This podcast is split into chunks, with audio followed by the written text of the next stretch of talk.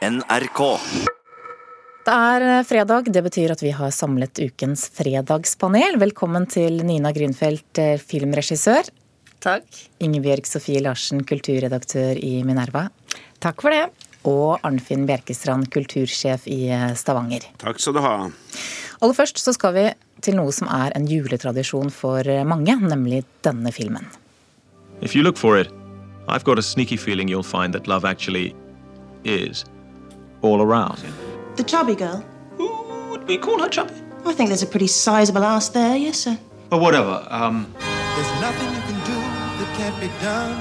There's nothing you can say Dette er altså fra filmen Love Actually. For første gang på mange år så er det ingen fjernsynskanal i Norge som kommer til å sende den i julen. Filmen fra 2003 med kjente skuespillere som bl.a. Emma Thompson og Hugh Grant er altså blitt et fast innslag ved juletider. Spørsmålet til panelet er kan det bli jul uten å ha sett Love Actually? Nina. Ja, endelig kan det bli jul. Eh, ja, svaret mitt er nok også ja. Det, det kan bli jul, men vi har tenkt å gjøre noe med det. Annet her i Stavanger. Ja, da begynner vi med deg. Hva, hva skal dere gjøre med det? Nei, altså Her gjorde Stavanger Symfoniorkester det genistreket at de viste filmen i Stavanger konserthus. Film er jo best på kino, men det er også veldig veldig bra i konserthus. Og så spilte man live musikk oppå, og det var bare en kjempesuksess som jeg har hørt de vil gjenta. Og så tenker jeg, når Bachelor har også en annen dimensjon. Da får hele Norges befolkning høre Johnny Mitchell i hvert fall én gang i året. Ja, Nina?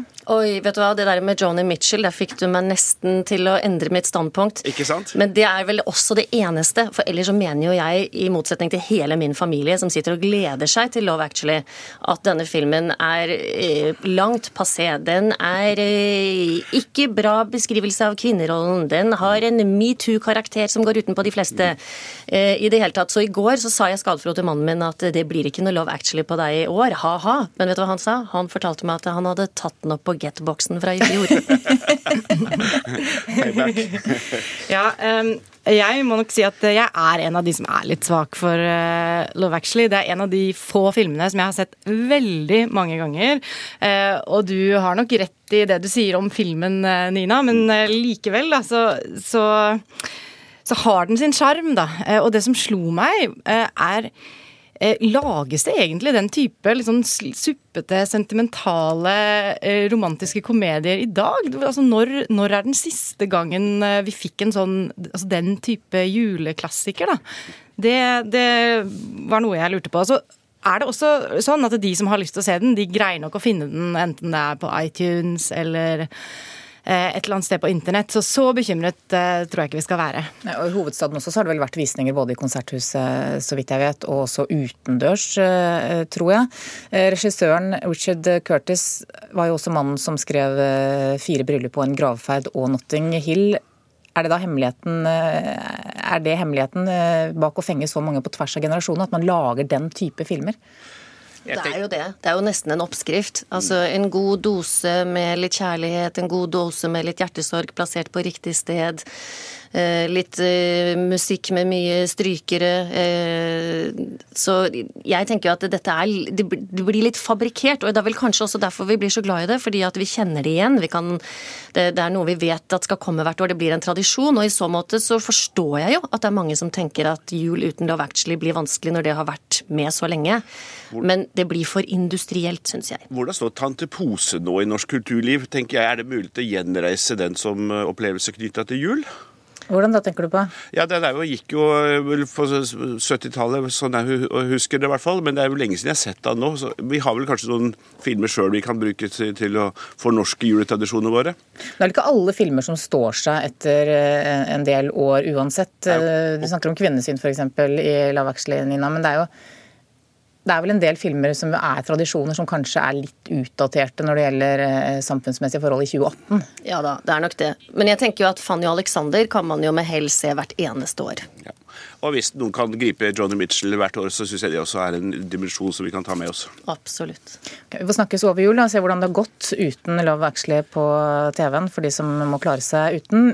Vi skal videre. Magasinet Time har kåret eh, årets person denne uken. This just in Time Magazine's Person of the Year is actually People. It's a group of journalists who the magazine calls The Guardians, in a war on truth. Now, there are four covers, one features dette er fra CNNs eh, dekning. Tittelen 'Årets person', eller 'personer', må vi vel eh, kanskje si, går til avdøde Jamal Khashoggi og andre drepte, fengslede og forfulgte journalister. De har også valgt ut fire personer, denne juryen. Khashoggi, som ble drept i det saudiske konsulatet i Istanbul, de to fengslede Reuters-journalistene i Myanmar og en journalist som har gransket Filippinenes president. Spørsmålet til panelet er Frykter dere at journalister til slutt gir opp de virkelig kritiske sakene? Vi starter i Stavanger. Jeg er i hvert fall svært urolig for eh, situasjonen slik den nå er. Ja. Ja. Alle er bekymret. Mm, mm. Ingebjørg, vi begynner med deg.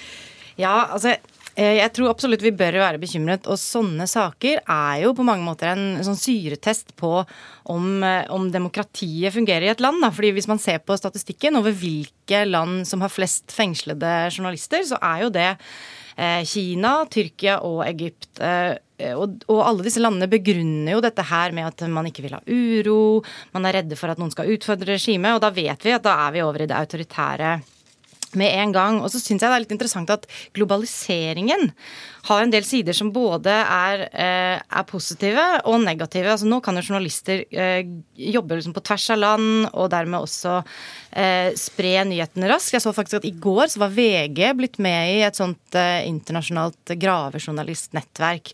Så gjennom dette her så kan man også se for seg at journalister kan få, få mer beskyttelse. Men det er klart at når et land eller et selskap gjør noe som ikke er bra, så får det også større konsekvenser enn før. og Derfor blir det kanskje også enda farligere for de journalistene som, eh, som stikker nesa si i noe de ikke burde. sånn at det, eh, Her har vi en situasjon som jeg tror man kan gjøre noe med det. altså Man jobber jo i dag med å bekjempe falske nyheter. Det har man jo, eh, ser man på hvordan man skal gjøre. men man burde kanskje også fokusere mer på de journalistene som faktisk er der, og som jobber, og som jobber med ekte og viktige nyheter.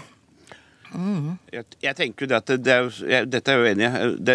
I dag er jo utfordringen at på å si, altfor mange kommer til ordet. Eh, så jobben er jo å finne ut eh, hva som er sant og usant, og ha den kritiske journalistikken, og ikke minst ha ressurser til det. Derfor tenker jeg at eh, media i norsk offentlighet, hvem skal ta ansvar, det er avgjørende. Og nå har jo kulturministeren sagt at kulturpolitikk er demokratipolitikk, og demokrati er utvikling av medier. Frie medier er helt avgjørende for at samfunnet skal ha i fremtiden. Så jeg er svært urolig, og jeg tenker at her må vi alle ta i et tak på å løfte media og, og den enkelte redaksjon opp på et nivå, så de kan ta tak i kritiske saker på alle nivåer. Ja, globalt og nasjonalt. Ja, men Når du sier at altfor mange kommer til orde, er det kommentarfeltene du, du tenker ikke på? Ikke bare det, men jeg tenker det at det er jo ikke egentlig det som er problemet. I dag, I dag kan jo en stemme bære ganske langt. En svak stemme og en falsk stemme kan jo bære ganske langt, i, i, slik som plattformene nå ut, ut, virker. Før var det gjerne et, et pes på å komme frem i lydbildet. I dag er jo ikke det problemet. Problemet er jo i dag å finne ut hva som er rett og galt, og hva som er, er, er den kritiske stemmen. Og, og, og hva, slags, hva, som ligger bak ytringene. Så jeg tenker at mangfold mangfold internett er jo både en fordel, men en svært krevende oppgave. Ja, men det er jo ikke sånn at alle slipper til? Ja, altså, Det jo, det kommer an på hvilket medium du, du, du, tenker på. Det er klart at Man slipper jo til eh, der, i de frie mediene som, er, som Twitter og andre steder. Så det kommer an på. Problemet er at det er mange steder ikke er redaksjonelt ansvar. Så, mange, så, det å gjenreise redaksjonenes uh, ressurser for å kunne hjelpe å finne frem de kritiske stemmene, det tenker jeg er avgjørende viktig. Nina, er det sånn at eh, det kanskje er andre enn journalister, f.eks. filmskapere, som i noen situasjoner er bedre egnet, eller iallfall like godt egnet til å løfte frem ubehagelige fakta og historier? Uh, det var et interessant spørsmål. Snakker, jeg jobber også på Høgskolen på Lillehammer, hvor vi utdanner eh, dokumentarregissører. Uh, og Erling Borgen, som jo er kanskje vår fremste norske kritiske journalist. Mm. Vi har jo store diskusjoner om dette med studentene våre også. Uh, og jeg må innrømme at jeg tenker liksom uh, vet, Jeg skal ikke si at er altfor mange av våre studenter som jeg tror nødvendigvis kommer til å gå den veien, men noen gjør nok det. Og i den medievirkeligheten vi er nå, med en teknologi som gjør at som både på en måte åpner opp for en transparens, som gjør at du kan nå langt ut, som det allerede er blitt sagt her, men som også gjør deg ekstremt sårbar da, i forhold til eh, stats... Altså i forhold til maktapparatet i de landene hvor det ikke er på det beste, i forhold til privatpersoner som kan ønske å finne på gærne ting i forhold til nettroll. Altså, du er i en utsatt posisjon. Men det er klart at den, den mer ressurskrevende, dyptpløyende dokumentaren eh, tenker jeg at den blir kanskje mer og mer berettiget, nettopp fordi at den eh, også blir vist i kanaler som på en eller annen måte liksom skjermer litt om filmskaperen bak, hvis det gir mening i det jeg sa nå. Så for å prøve å svare på spørsmålet ditt, så tenker jeg at eh, sett fra et filmskaperståsted, Eh, så tenker jeg at nettopp den funksjonen å være en kritisk filmskaper eh, er viktig. Og at eh, man trenger å fortsette å utvikle og, og la de få få, få, arbeide i det landskapet vi er i nå. Så jeg tenker Det er avgjørende viktig ved å ha en debatt på hvem finansierer den kritiske journalistikken i fremtiden. Mm. Vi skal videre. Det har vært en Nobeluke, dette her. Mandag kveld var det gallamiddag i Stockholm for alle som hadde vunnet nobelprisene som ble delt ut i Sverige fysikk, kjemi, medisin og økonomi. Ja, efter den tradisjonsenlige etterrettsparaden, i år med karamelliserte österlenäpplen med vaniljkrem og kolasås så kan nå nobelgjestene luta seg tilbake og nyte av kvelden. Og kanskje også reflektere over et återkommende tema. Dette er altså Sveriges Radios rapport fra selve middagen. Den store snakkisen det var altså kjolen til Sara Danius, tidligere fast sekretær for Svenska Akademien.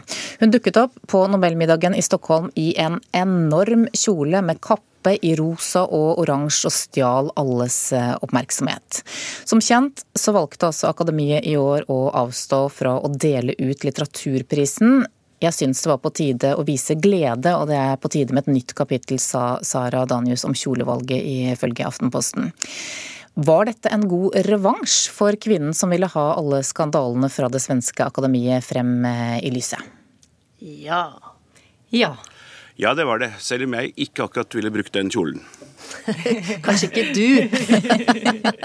Men det igjen, jeg, altså, jeg mener, som, jeg, Ifølge min informant så har dette delt Sverige i to. Så noen liker det veldig godt, noen liker det ikke fullt så godt. Men det er helt opplagt at jeg syns dette var en fantastisk flott stund.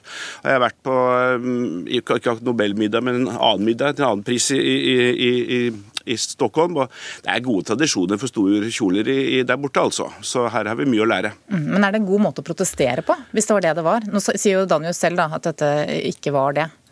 Nei, men vi kan tolke det som det. Jeg tenker jo det at det er i hvert fall en kreasjon med, med, med verkshøyde, og vel så det. Sånn at jeg her tenker at her bruker man de virkemidlene man har for et statement. Og jeg oppfatter det som han iscenesetter seg selv, og det er jo det er jo kjent kunstnerisk trekk å gjøre det. David ja. Bowie har gjort det bl.a. gjennom en årrekke på 70-tallet.